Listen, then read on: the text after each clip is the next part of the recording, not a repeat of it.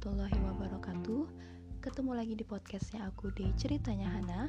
Seperti biasa aku mau nanyain kabar kalian dulu. Apa kabar?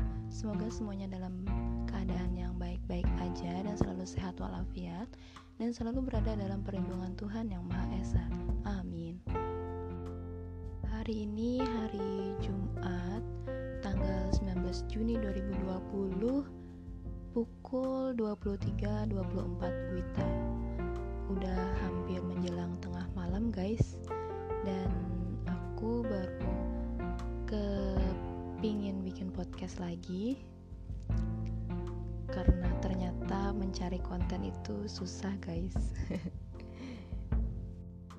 Oke, jadi di podcast aku yang kali ini Aku kembali ingin bercerita kepada kalian tentang sesuatu yang pernah aku alami yang menjadi pelajaran atau proses aku untuk tumbuh menjadi seseorang lebih dewasa lagi.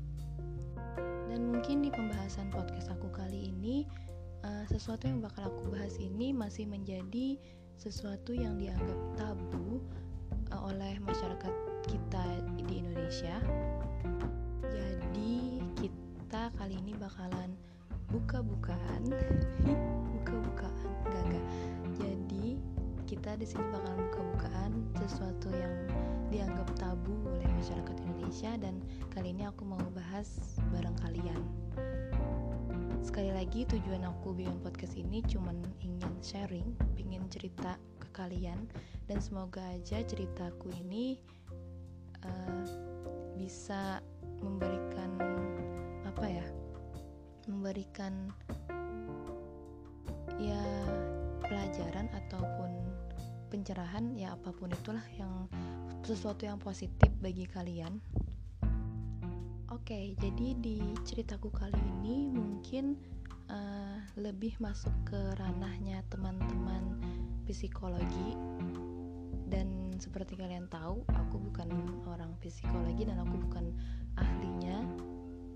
Aku cuman kebetulan ngebaca tentang hal ini dan tiba-tiba aku ingat tentang hal yang pernah aku alamin. Jadi aku cuma mau cerita atau sharing ke kalian. Jadi awalnya aku itu ngefollow salah satu akun di Instagram. Habis itu uh, dia itu ngeposting tentang self harm atau perilaku menyakiti diri sendiri self harm ini bisa dikatakan ya termasuk uh, gangguan mental atau gangguan kondisi psikologis, gangguan emosional yang dilakukan atau tujuan dari perbuatan itu menyakiti diri sendiri tapi tanpa adanya keinginan untuk bunuh diri atau mengakhiri hidup. Nah, perilaku self harm ini bisa ditandai dengan kebiasa-kebiasaan menyakiti diri sendiri seperti memukul, menggigit, mencakar, menarik rambut, hingga sampai menyayat-nyayat bagian tubuh sendiri. Tapi balik lagi ya guys, semuanya itu dilakuin tanpa ada niatan untuk bunuh diri. Jadi orang-orang yang melakukan self harm ini biasanya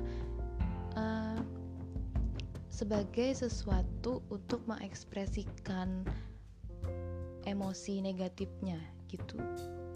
Karena seperti yang kita tahu kan gak semua orang bisa mengelola emosi negatifnya dan gak semua orang juga bisa mengekspresikan emosi mereka. Sehingga akhirnya terjadilah perilaku self harm ini yang dianggap mereka-mereka itu sebagai jalan keluar untuk meluapkan emosi yang dirasakan.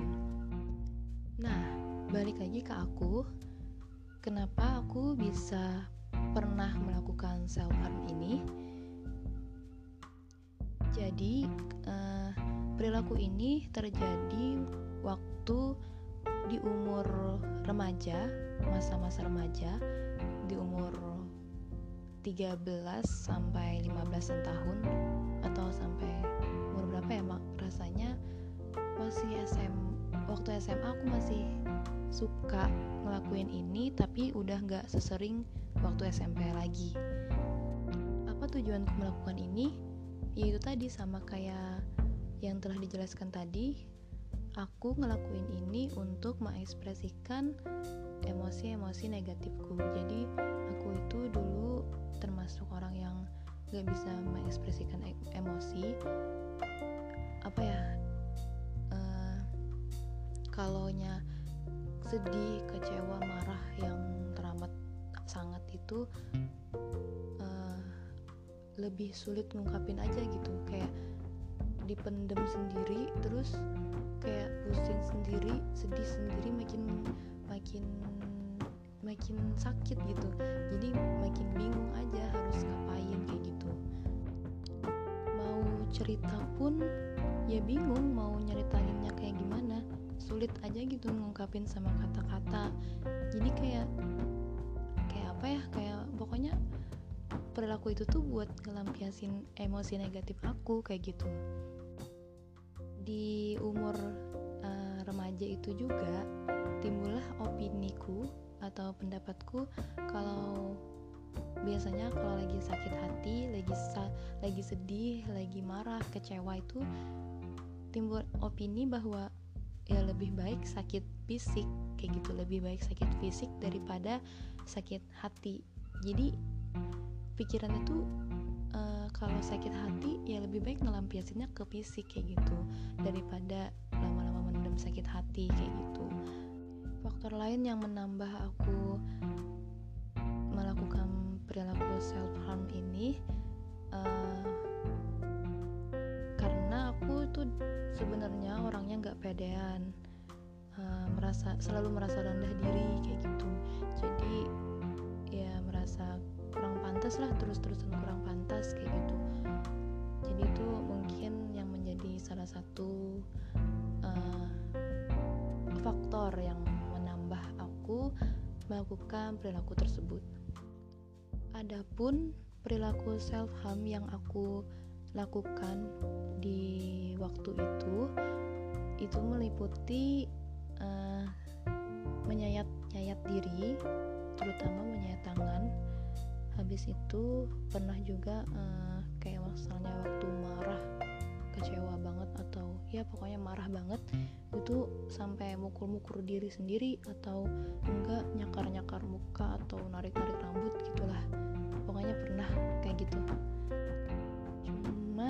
bedanya perilaku aku nyayat tangan itu enggak enggak se ekstrim orang-orang. Maksudnya ya karena tujuannya tadi kan bukan untuk bunuh diri karena aku takut juga sebenarnya untuk bunuh diri. Jadi uh, aku itu lebih milih nyayat tangan aku pakai sesuatu yang nggak begitu tajam tapi tetap bisa ngelukain gitu. Biasanya aku tuh dulu pakai peniti atau jarum atau ujung jangka yang tajam itu atau pakai pecahan-pecahan kaca. Jadi uh, dia itu ngeluarin darahnya nggak yang se ekstrim orang-orang yang pakai silet ataupun yang sesuatu yang tajam banget kayak gitu enggak karena aku nggak berani. Nah asal mula kenapa aku bisa sampai berani nyayat-nyayat tangan itu nggak tahu ya kalau di zaman kalian di zaman kalian waktu SMP di tahun sekitar tahun 2013an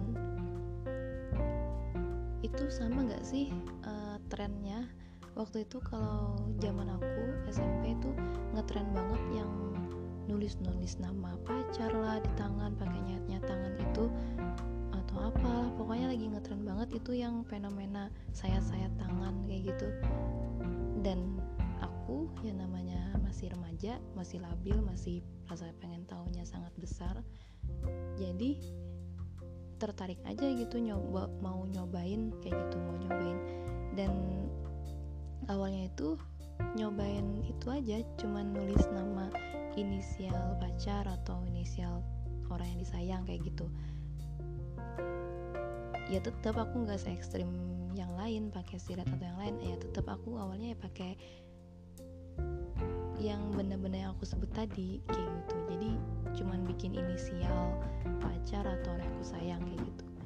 Nah ternyata dari kegiatan aku yang kegiatan jadi dari perilaku aku yang awalnya coba-coba itu akhirnya malah jadi keterusan kayak gitu loh. Jadi kayak ada perasaan puas tersendiri kayak gitu kalaunya kita lagi marah sedih pokoknya emosi-emosi yang negatif kayak gitu terus dilampiasin sama menyakiti diri sendiri itu kayak ya puas aja kayak gitu. Terus ya kalau udah selesai nyet-nyet tangan atau segala macam ya lukanya aku tutupin. Nggak nggak ada yang tahu sih sebenarnya termasuk orang-orang rumah juga nggak tahu kayak gitu. Mama bapakku nih sampai sekarang nggak pernah tahu kelakuan aku yang kayak gini. Aku pernah ngelakuin itu dan mereka nggak pernah tahu. Seperti yang tadi aku bilang aku sama sekali nggak pernah tahu kalau perilaku itu ada istilahnya. Jadi aku baru tahu itu baru-baru ini kayak gitu. Setelah aku lihat postingan dari salah satu akun Instagram tadi. Jadi aku baru ngeh setelah aku lihat postingan itu dan aku baca postingan itu dan aku baru ingat kalau dulu aku pernah berperilaku seperti ini dan ternyata ada istilahnya di medis atau di ilmu psikologi kayak gitu. Perilaku ini tuh berlangsung dari aku kelas 2 SMP kalau nggak salah sampai SMA kelas 1 atau 2 ya. Tapi waktu SMA itu udah agak mendingan udah agak kurang karena aku ngerasa itu kurang bermanfaat kayak gitu. Udah lebih sadar lah guys dari kebodohan itu syukur alhamdulillahnya sekarang dari kelas 3 SMA sampai sekarang perilaku itu gak pernah lagi aku lakuin. Alhamdulillah karena ya salah satu faktor yang mendukung yang menolong adalah lingkungan yang lebih positif teman-teman yang lebih positif uh, terus akunya sendiri juga udah mulai terbuka ke orang-orang lain kayak gitu. Udah mulai coba-coba sesuatu yang positif yang bisa uh, melampiaskan emosi-emosi negatifku ke sesuatu yang lebih bermanfaat. Jadi ya keinginan untuk melukai diri sendiri itu udah udah menghilang kayak gitu. Dan sekali lagi penting banget untuk kita nih belajar menyayangi diri sendiri dan mencintai diri sendiri. Karena kalau kita nggak sayang dan cinta sama diri kita yaitu tadi kita bakalan apa ya bakalan jahat sama tubuh kita sama diri kita. Dan dari beberapa sumber juga self harm ini gak cuman perilaku menyakiti diri secara fisik tadi kayak yang memukul, menyayat ataupun mencakar dan lain-lain. Tetapi juga perlakuan seperti diet yang berlebihan atau diet yang terlalu keras sehingga membuat tubuh kita itu terlalu terpaksa. Akhirnya metabolisme kita itu terganggu metabolisme tubuh kita terganggu. Dan itu salah satu perilaku yang menyiksa diri kayak gitu sekali lagi perilaku itu timbul karena kita belum belajar untuk menyayangi diri kita sendiri. Jadi balik lagi kita belajar menyayangi dan menghargai diri sendiri itu sangatlah penting. Selain itu membiasakan untuk uh, curhat ataupun cerita ke teman-teman yang kalian anggap bisa dipercayalah kayak gitu itu bisa mengurangi emosi negatif di dalam diri kalian juga kayak gitu. Belajar untuk mencoba lebih terbuka lah walaupun ya nggak ke semua orang terbukanya. Ceritanya cuma ke orang-orang tertentu yang kalian anggap benar-benar peduli sama kalian. Sekali lagi mental illness atau penyakit gangguan mental ini bukanlah sesuatu yang memalukan bukan sebuah aib kayak gitu jadi jangan malu ketika kalian merasakan sesuatu yang dianggap apa ya kurang normal dan dianggap aneh bagi sebagian orang bagi kebanyakan orang.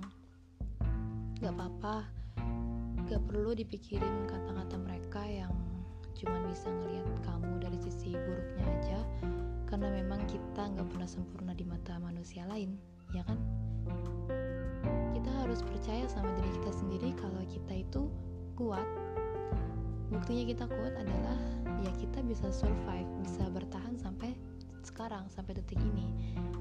Itu ya karena kita kuat kayak gitu. Dan satu hal lagi yang perlu diingat kita juga perlu bahagia. Jadi ya jangan terlalu musingin apa kata orang lah kayak gitu.